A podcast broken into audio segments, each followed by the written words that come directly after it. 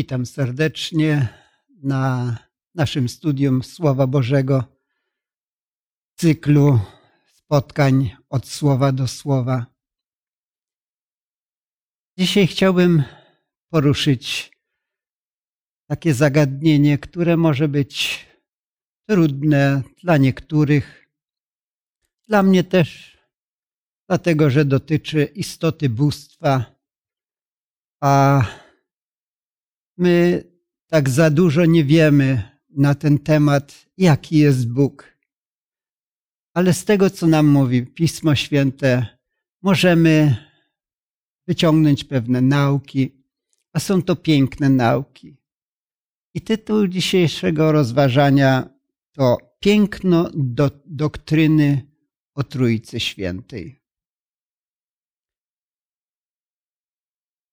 Gdy myślimy o Starym Testamencie, to Pismo Święte mówi zawsze o Bogu. Żydzi wierzyli, że jest jeden Bóg, i to była dla nich taka podstawowa nauka.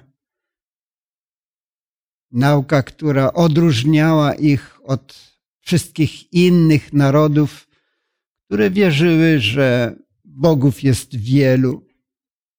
Izraelici natomiast mówili, że jest jeden Bóg. Ale mieli problem, którego nie umieli rozwiązać. Bo od razu na samym początku, kiedy mowa jest o stworzeniu, to w Biblii hebrajskiej dosłownie pierwszy werset brzmi tak. Na początku stworzył bogowie niebo i ziemię. Od razu widzimy problem, jak to stworzył, liczba pojedyncza, a później bogowie. Przecież Izraelici wierzyli, że jest jeden Bóg. Więc jest problem, którego nie bardzo umieli rozwiązać. Zostawili go tak, jak jest Wierzyli, że jest jeden Bóg, bo często się odzywał jako jeden Bóg, więc jakoś to akceptowali. Ale takich wersetów jest więcej, bo kiedy Bóg stwarzał człowieka, to jest powiedziane w pierwszym rozdziale, że stworzył Bóg człowieka na obraz swój, na obraz Boga stworzył go jako mężczyznę i niewiastę stworzył ich. Stworzył człowieka na swój obraz, liczba pojedyncza jest, a tak naprawdę jest powiedziane, że stworzył mężczyznę i niewiastę. Dlaczego? No bo wiersz poprzedni, 26 mówi, potem rzekł Bóg, uczyńmy człowieka na obraz nasz, podobnego do nas. A znów mamy liczbę mnogą. Więc e, nie dziwię się, że Żydzi mieli problem ze zrozumieniem Boga, istoty bóstwa. My też mamy, wielu dzisiaj ma ten sam problem ale trzeba przyjąć tak, jak jest napisane. I liczba pojedyncza, i liczba mnoga. Będziemy jeszcze o tym rozmyślać i rozważać to zagadnienie. A więc uczyńmy na obraz nasz. Oczywiście powstaje pytanie, czyj obraz w takim razie? Na pewno nie na podobieństwo jakichś tam istot niebiańskich czy aniołów, tylko na podobieństwo Stworzyciela. Od samego początku więc widzimy od pierwszych kart Pisma Świętego, że liczba mnoga występuje w Słowie Bożym.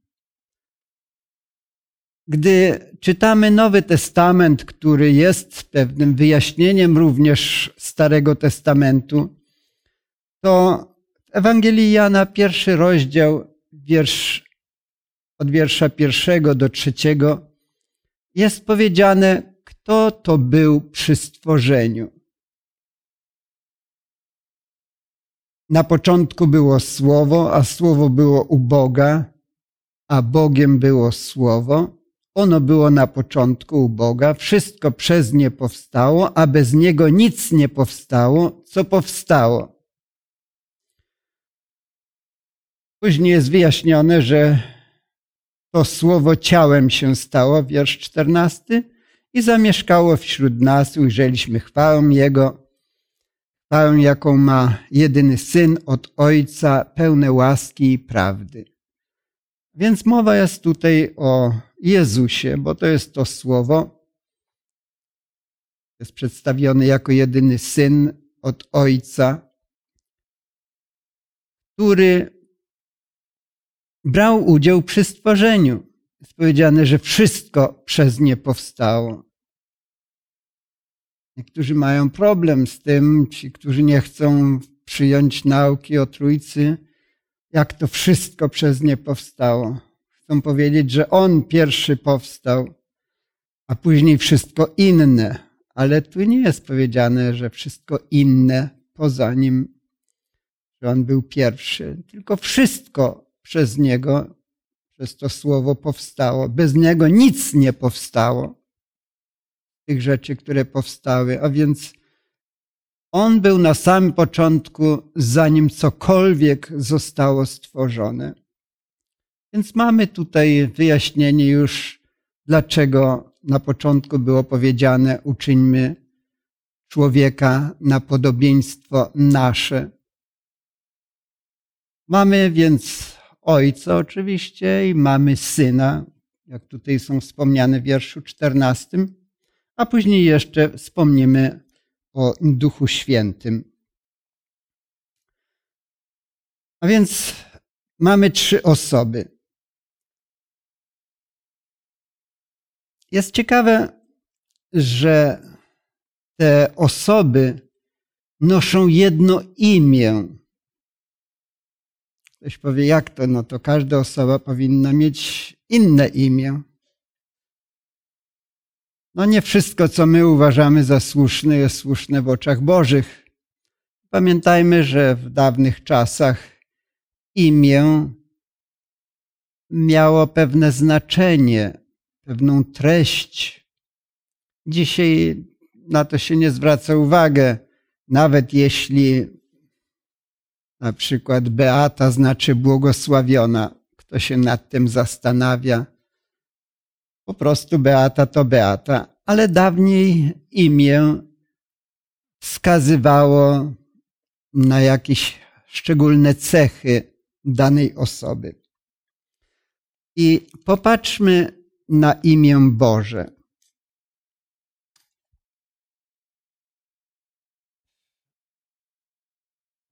W drugiej księdze Mojżeszowej, trzecim rozdziale, ukazuje się Bóg Mojżeszowi, ale ukazuje się w ciekawy sposób. Będę czytał od wiersza pierwszego do szóstego. Gdy Mojżesz pasał trzodę teścia swego Jetry, kapłana Midianitów, pognał raz trzodę poza pustynię i przybył do góry Bożej do Chorebu. Tem ukazał mu się, i w naszym przykładzie jest użyte słowo anioł pański.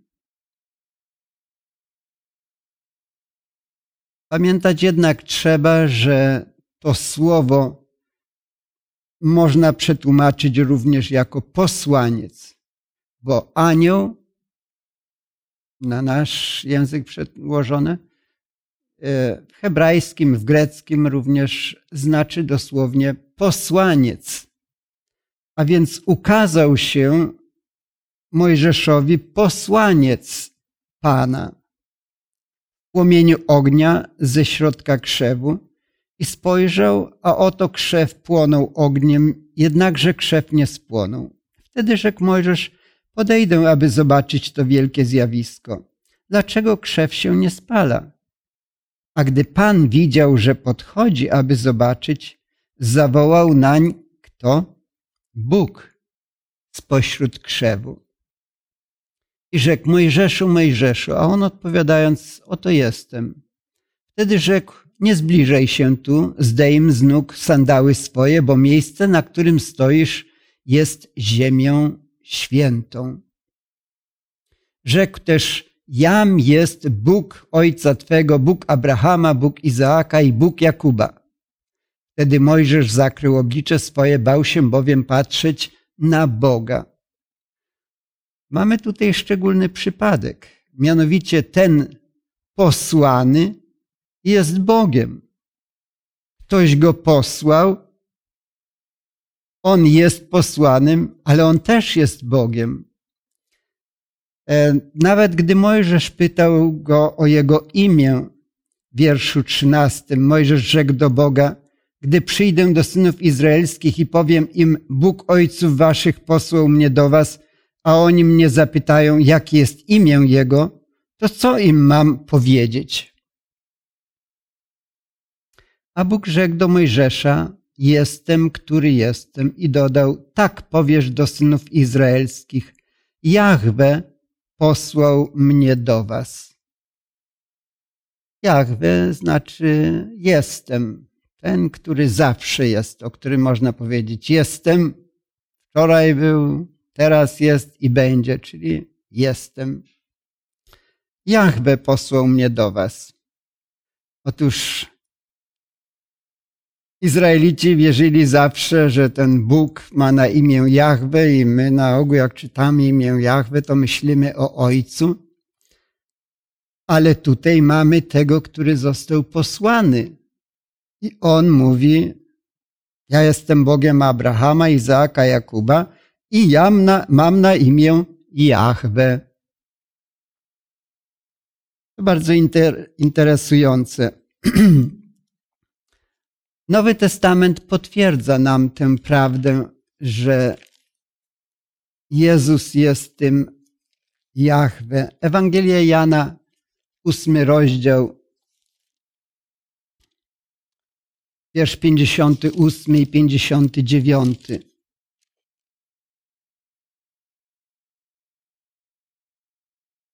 Odpowiedział im Jezus, zaprawdę, zaprawdę powiadam wam, pierwej niż Abraham był, jam jest, albo ja jestem. Jezus powiedział to trzy razy w tej rozmowie z Żydami. W wierszu 24 jest powiedziane, jeśli nie uwierzycie, że to ja jestem, pomrzecie w swoich grzechach.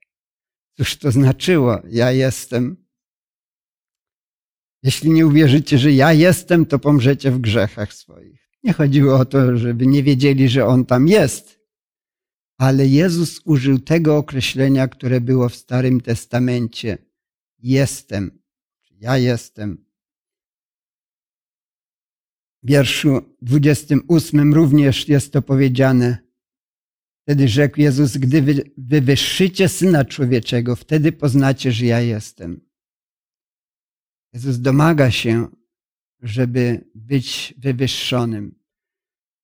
Jeśli nie uwierzą w Niego, to pomrą w grzechach swoich, a więc nie przedstawia się jako ktoś niższy, stworzony ewentualnie, tylko użył tu też takiego ciekawego zwrotu, który znów jest trudny, gdy chodzi o bóstwo, bo Znów popatrzmy na tę konstrukcję wiersza 58.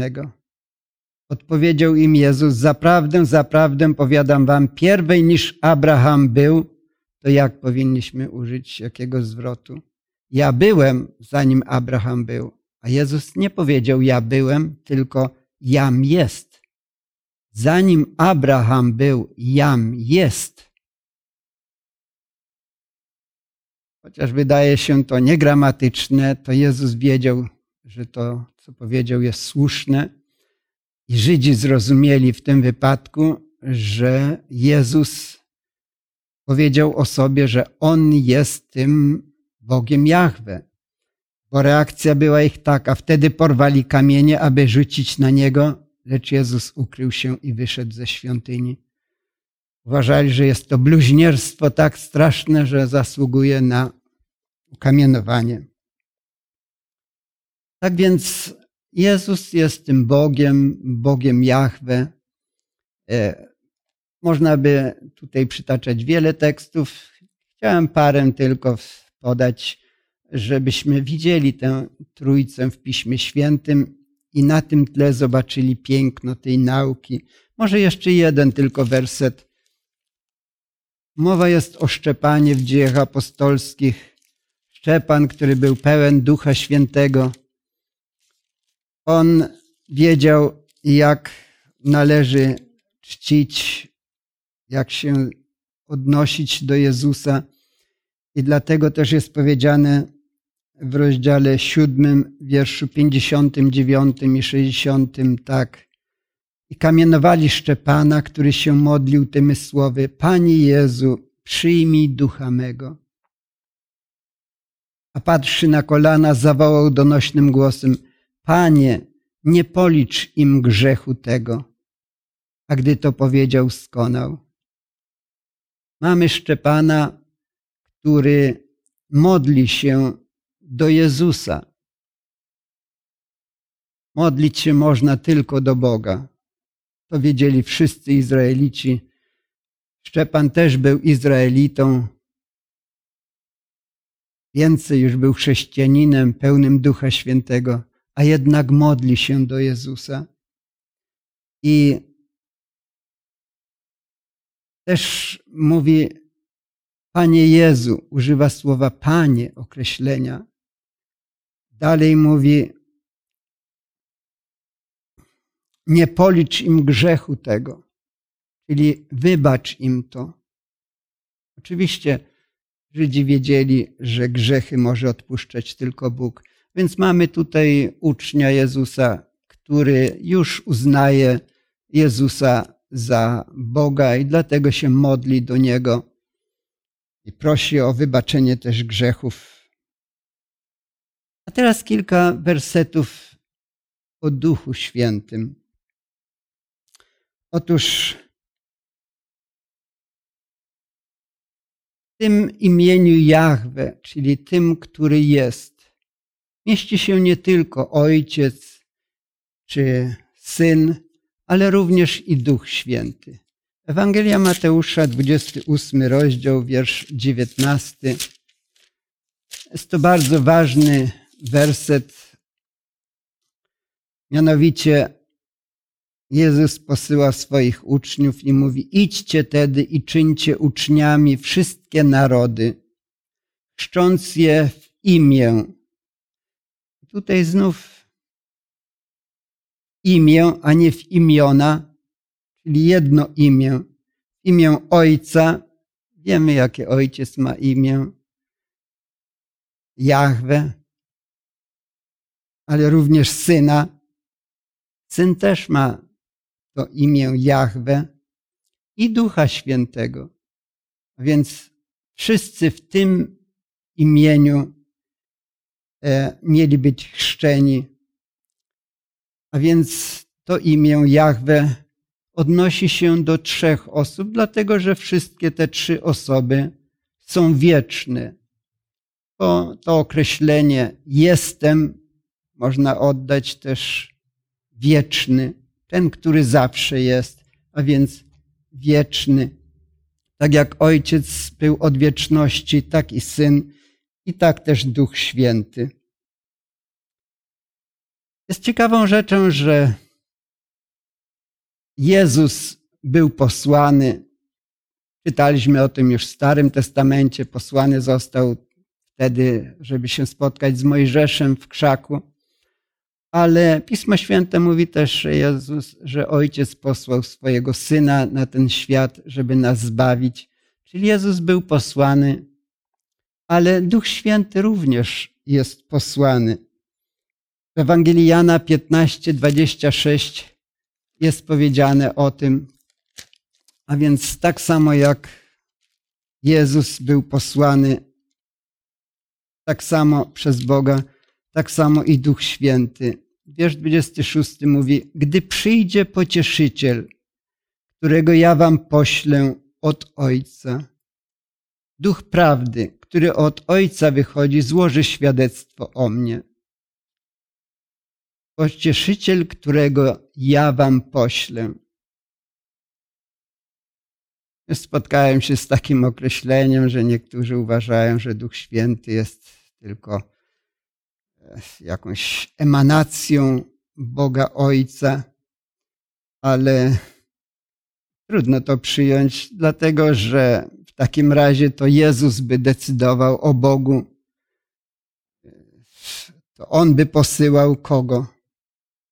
Ojca, coś z Ojca, o czym by decydował Jezus. Po prostu powiemy o tym, że Trójcy jest taka zgodność. Jezus nie protestował, gdy Ojciec go posyłał. Duch Święty też nie. Współpracowali ze sobą. Może jeszcze e, chociaż ze dwa wersety i przejdziemy do innych też myśli. Otóż Duch Święty nie jest mocą, natomiast Duch Święty ma wielką moc. W dziejach apostolskich, w pierwszym rozdziale, wierszu ósmym, Jezus mówi te słowa, ale weźmiecie moc Ducha Świętego, kiedy zstąpi na was i będziecie mi świadkami w Jerozolimie i w całej Judei i w Samarii aż po krańce ziemi. Otóż Duch Święty ma moc. I Jezus mówi, otrzymacie tę moc. Moc kogo? Nie moją, nie Ojca, tylko mówi, weźmiecie moc Ducha Świętego. Tak, Duch Święty jest przedstawiany tak samo jako istota boska, która może wpływać na ludzi, zmieniać, przekształcać, odradzać. To może robić tylko Bóg. I dlatego też Pismo Święte mówi, że jeśli grzeszymy przeciwko Duchowi Świętemu, to tak naprawdę grzeszymy przeciwko Bogu. Piąty rozdział dziejów apostolskich, wiersz trzeci. Tu mowa jest o Ananiaszu. Rzekł Piotr, Ananiaszu, czym to omotał szatan serce twoje, że okłamałeś Ducha Świętego i zachowałeś dla siebie część pieniędzy za rolę? Okłamałeś Ducha Świętego. A później w wierszu czwartym jest pod koniec powiedziane, nie ludziom skłamałeś, lecz komu? Bogu. Najpierw jest powiedziane, że skłamał Duchowi Świętemu, a później jest powiedziane, że po prostu e, inne określenie użyte jest do tej samej osoby, czyli skłamał Duchowi Świętemu. Czyli grzeszyć przeciwko Duchowi Świętemu to grzeszyć przeciwko Bogu. No ale ktoś powie, no, ale dzisiejsze rozważanie dotyczy Trójcy, a takiego wyrażenia nie ma w Piśmie Świętym Trójca. To prawda, ale występują trzy osoby i dlatego posługujemy się jakimś takim już naszym określeniem. Jest więcej takich wyrażeń, których nie ma w Piśmie Świętym, a my jednak stosujemy. Na przykład mówimy o inkarnacji albo wcieleniu Jezusa Chrystusa. No nie ma takiego zwrotu w Piśmie Świętym, ale pomaga ono nam rozumieć, co się stało, kiedy Pan Jezus przyszedł na ziemię. Bóg został wcielony w ciało ludzkie. Dlatego mówimy o wcieleniu lub inkarnacji. Nawet słowa chrztu nie ma w Piśmie Świętym. Jest słowo zanurzenie, ale posługujemy się określeniem chrzest. No i dobrze jest. E, jest więcej takich określeń. Sąd ostateczny, e, no i inne też. Więc e, nie ma w tym nic nadzwyczajnego, jeśli posługujemy się pewnym zwrotem, który jednak jest bardzo pomocny dla nas. Tu może chciałbym jeszcze zwrócić uwagę na pewną myśl ze Starego Testamentu. Mianowicie, Izraelici odmawiali każdego dnia taką modlitwę Szema. Słuchaj Izraelu, Pan Bóg Twój.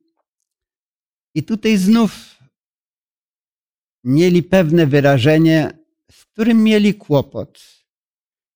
Dlatego, że tam jest takie określenie hebrajskie echat i ono jest tłumaczone różnie. Jeden albo jedyny, albo jedność. E, chodzi o to, że mogło być tutaj użyte inne wyrażenie, mianowicie Jachid. Jachid znaczy jeden. Ale Bóg przez swojego sługę kazał napisać i użyć innego słowa. Takiego słowa, które jest użyte wtedy, kiedy stwarzał człowieka na swoje podobieństwo. Powiedział, że ci dwoje będą jednym ciałem. I tutaj jest też użyte słowo echat. No i wiemy, że to jednak są dwie osoby, a nie jedna, czyli mężczyzna i kobieta. Więc to słowo echat można by oddać moim zdaniem lepszym określeniem niż jeden, mianowicie jednością są. Mężczyzna i kobieta mieli być jednością. Tak samo e, trójca, można by to oddać lepiej, jest jednością, nie jedno, nie jeden jest Bóg, ale te trzy osoby oddają tę myśl jedności. To bardzo istotne. A teraz, jeśli myślimy o Trójcy, ponieważ jesteśmy stworzeni na podobieństwo Boga, to warto zastanowić się, jak funkcjonuje Trójca. Pismo Święte mówi o tym, że Bóg jest miłością. Co z tego wynika? Można miłować tylko wtedy, kiedy jest druga osoba. Gdyby Bóg był jeden, a cieszę się, że tak nie jest, to byłbym takim samotnym sopkiem, przepraszam za to określenie, komu miałby okazywać miłość, zanim cokolwiek stworzył? Wtedy moglibyśmy powiedzieć chyba, nie mógł wykazać, że jest miłością, albo nie byłby tą miłością, jeśli nie miałby kogo miłować. Tak więc, jeśli Bóg jest miłością, to po prostu Pismo Święte chce powiedzieć, że On zawsze kogoś kochał. Zawsze. Zanim jeszcze cokolwiek stworzył, to już kochał. I tak powinno być z nami. Kiedy Bóg stwarzał człowieka, to powiedział, że jedna rzecz była niedobra tylko. Bóg stworzył rzecz, która była niedobra? Tak. Adama, który nie miał kogo kochać. I czuł się źle. Bóg wiedział, że niedobrze jest człowiekowi samemu. Może nie popełnił błędu, tylko chciał pokazać człowiekowi, że niedobrze jest, gdy człowiek jest sam. I na pewno Bogu byłoby niedobrze, gdyby był sam. Ale on od początku był razem z dwoma innymi osobami, które dla naszych potrzeb są nazywane Synem i Duchem Świętym. Tak więc Bóg zawsze był miłością i zawsze od samego początku ta miłość się objawiała wśród tych trzech osób. Bóg jest doskonałą miłością, a doskonała miłość może istnieć tylko między równymi sobie osobami. Ktoś powiedział, że nie można kochać niewolnika. Chociaż to też człowiek. Ale jeśli by w małżeństwie jedna osoba była jak niewolnik, to tam nie będzie miłości. Dlatego muszą być sobie równe osoby.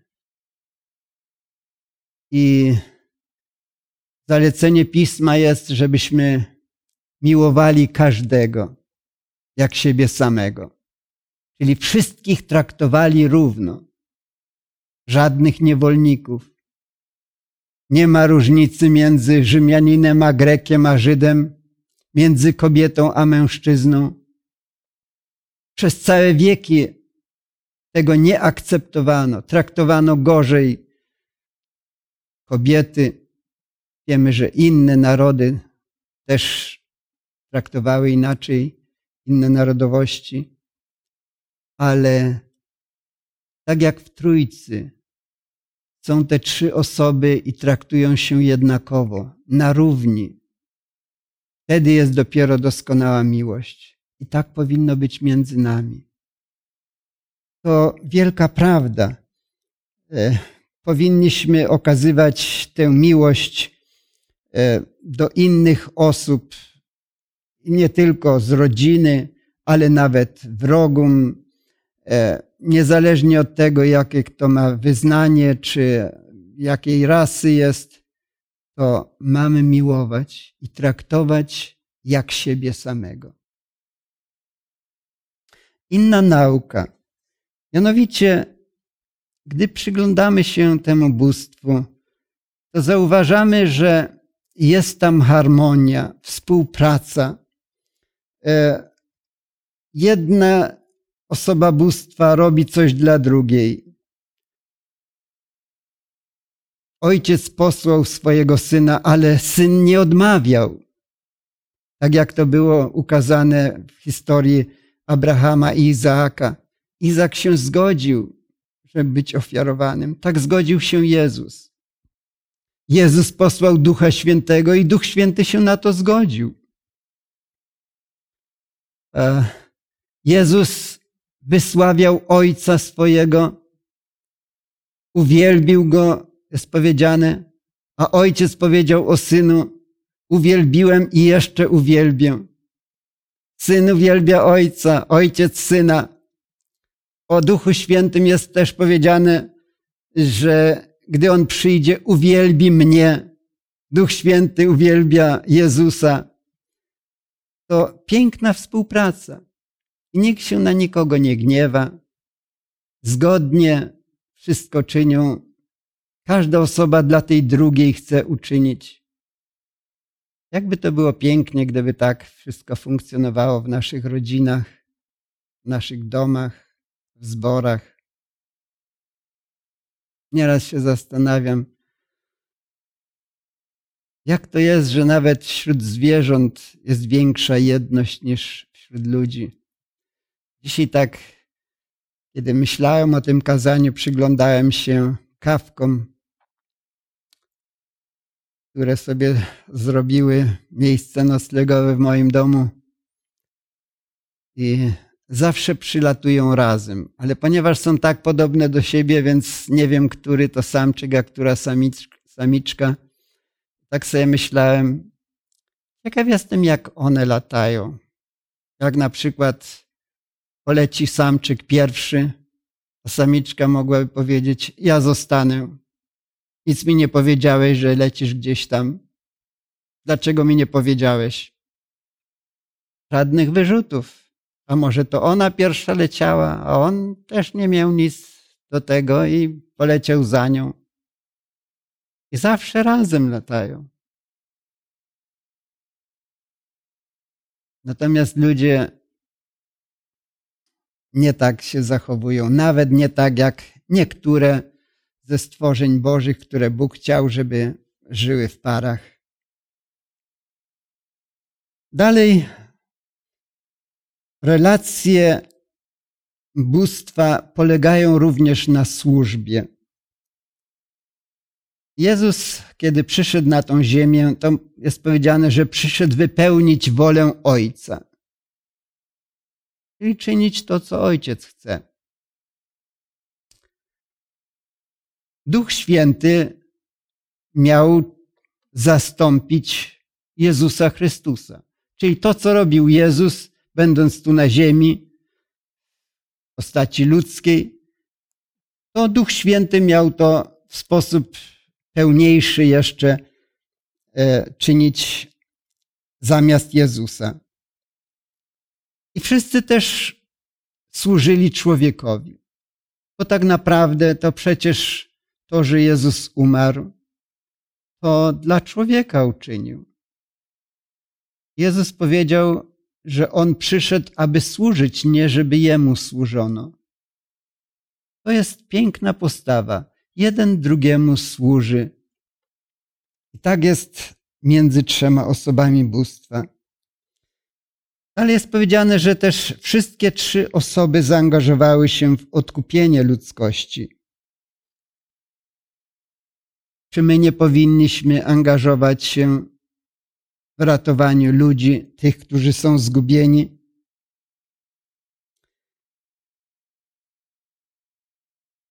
I nie było tego, że ojciec powiedział: Ja tu zostanę, a ty idź. To było uzgodnione. Różne role,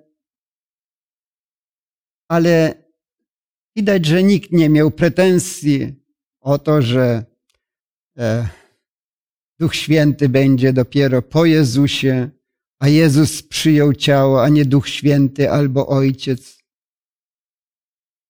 Otóż Pismo Święte mówi, że my mamy podobnie funkcjonować.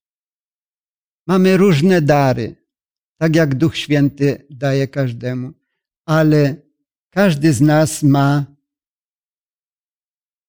funkcjonować w rodzinie, w zborze, tak jak jeden organizm. Jeden może pełnić funkcję palca małego, drugi nogi, trzeci e, ręki, ale wszyscy są potrzebni i nie, ma, nie powinniśmy mieć pretensji jeden do drugiego, że ten taką funkcję spełnia, a ten inny.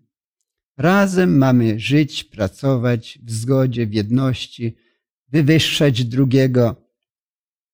Tak jak Jezus uwielbiał Ojca, Ojciec, Syna i tak dalej.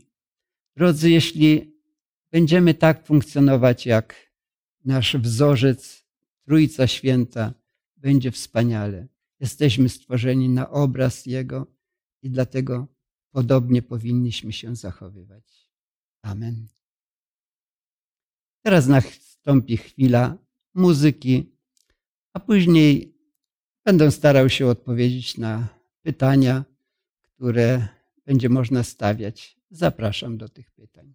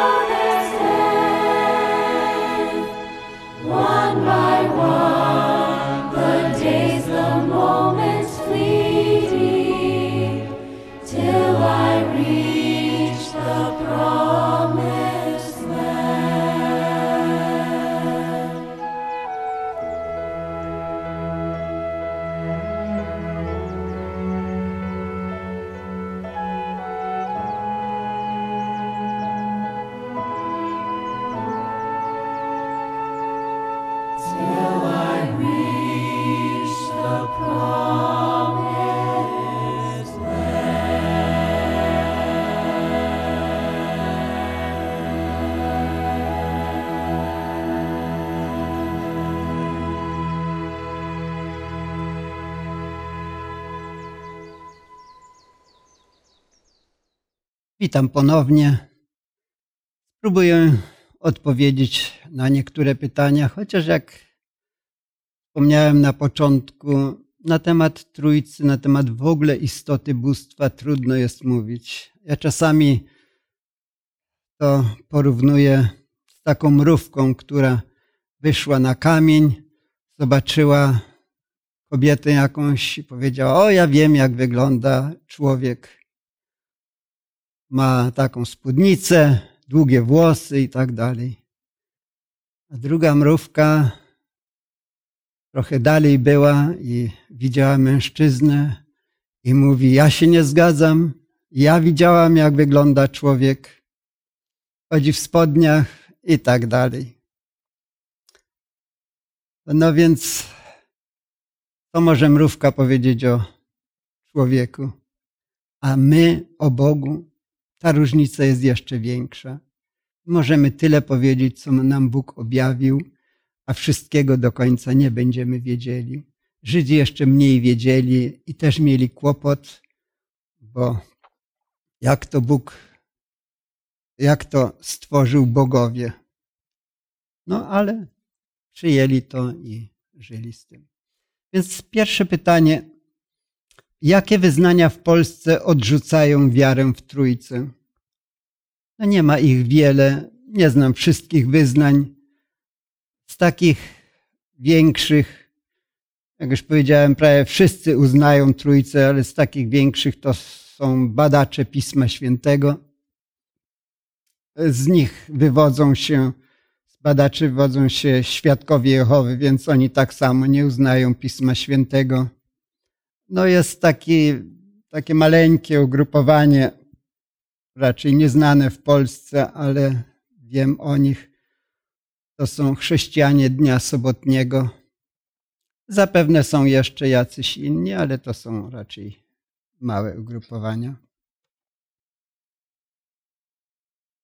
Następne pytanie Dlaczego adwentyści uznają pojęcie Trójcy za prawdę, skoro sprzeciwiali się temu pionierzy ruchu, którzy byli antytrynitarni? Co się od tego czasu zmieniło? Czy jest to próba przypodobania się Kościołowi katolickiemu, który uznaje to za dogmat? W Biblii jest powiedziane przecież: Słuchaj o Izraelu, Pan nasz Bóg jest jedynym Bogiem. No mamy tu kilka pytań. Dlaczego adwentyści uznają pojęcie Trójcy za prawdę, skoro sprzeciwiali się temu pionierzy ruchu? No nie jest to zupełnie prawdą.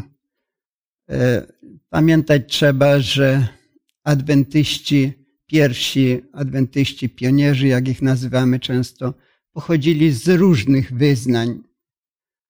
A więc e, byli tam tacy, którzy rzeczywiście nie uznawali Trójcy, ale byli tacy, którzy uznawali, bo przecież wywodzili się z kościołów, które uznawały Trójcę. Na przykład Ellen White pochodziła z kościoła metodystów, a metodyści uznają Trójcę Świętą. E, więc byli i tacy, byli i tacy. Ale tak jak na początku E, nie wszyscy e, na przykład święcili sobotę, e, stopniowo dochodzili do tego, że trzeba święcić sobotę. Tak samo i dochodzili do tego, że trzeba uznawać Trójcę Świętą. Tak było zresztą z każdą inną nauką, a więc nie dlatego, że chcieli się przypodobać na przykład Żydom, zaczęli święcić sobotę, tylko znaleźli, że jest to prawda biblijna i dlatego się jej uchwycili. Tak samo jest z Trójcą. E, no a ten werset, słuchaj Izraelu, Pan Bóg jest jedynym Bogiem, więc tutaj akurat jest ten e, przekład jedynym albo jeden, e, więc to są różne te określenia, dlatego że jest problem, czy był problem, jak to należało przetłumaczyć. Ale już o tym mówiliśmy. Anita stawia pytanie. Pogląd o Trójcy został sformułowany dopiero w IV wieku po licznych kontrowersjach. Współczesne przykłady Biblii podają tekst 1 Jana 5, 7, 8 zupełnie inaczej niż Biblia brzeska, Jakuba Wójka czy Gdańska, które zawierają tak zwaną klauzulę janową z łacińskiego Johannine, potwierdzającą pojęcie Trójcy. Nie ono tak, a ci trzej jedno są. Dlaczego zatem brakuje tych słów we wszystkich współczesnych przekładach Biblii? Czy mamy opierać się na tym tekście, czy go odrzucić, podążając za tym, co znajdujemy na przykład w Ewangelii Mateusza 28, 19?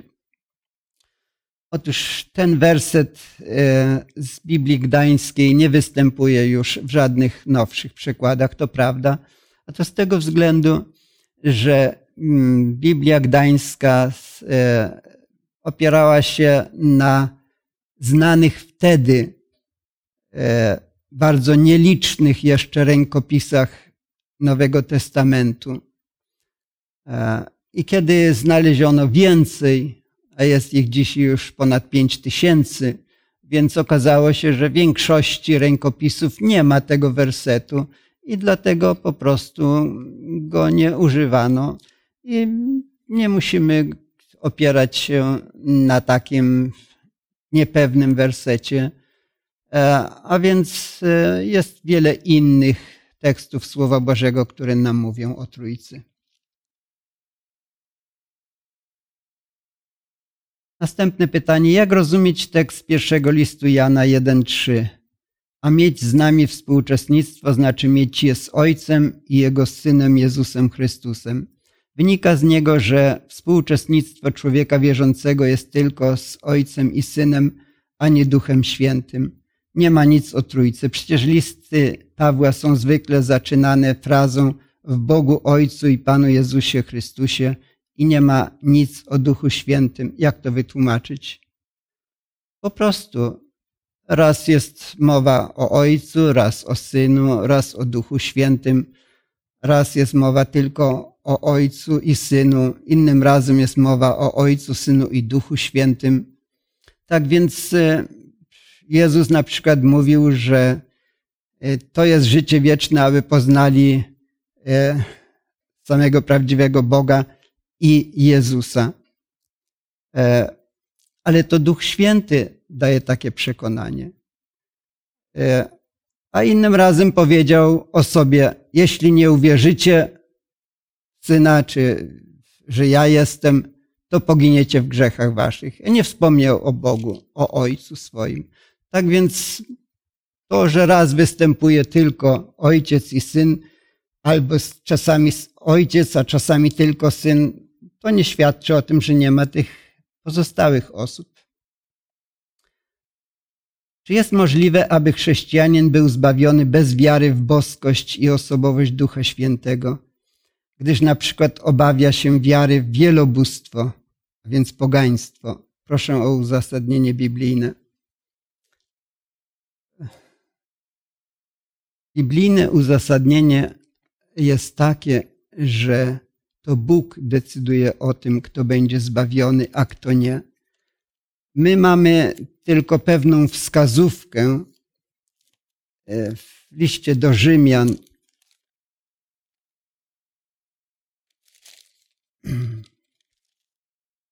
Mianowicie za, e, e, drugi rozdział, wiersz trzynasty gdyż nie ci, którzy zakonu słuchają, są sprawiedliwi u Boga, lecz ci, którzy zakon wypełniają, usprawiedliwieni będą. Skoro bowiem poganie, którzy nie mają zakonu, z natury czynią to, co zakon nakazuje, są sami dla siebie zakonem, chociaż zakonu nie mają. Dowodzą też oni, że treść zakonu jest zapisana w ich sercach. To chciał przez to powiedzieć apostoł Paweł. Mówi, co z tego, że Żydzi mają zakon, jeśli go nie wypełniają.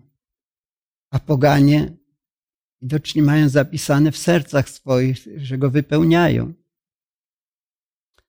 Tak więc e, zbawieni mogą być ludzie nawet z pogan, ale to od Boga zależy, dlatego że zbawienie jest z łaski. Jeśli Bóg zechce zbawić kogoś, to cóż my możemy powiedzieć? Więc e, z jakiegoś względu, jeśli ktoś nie przyjmuje czy nie może zrozumieć tej nauki, Bóg będzie decydował o, o jego zbawieniu.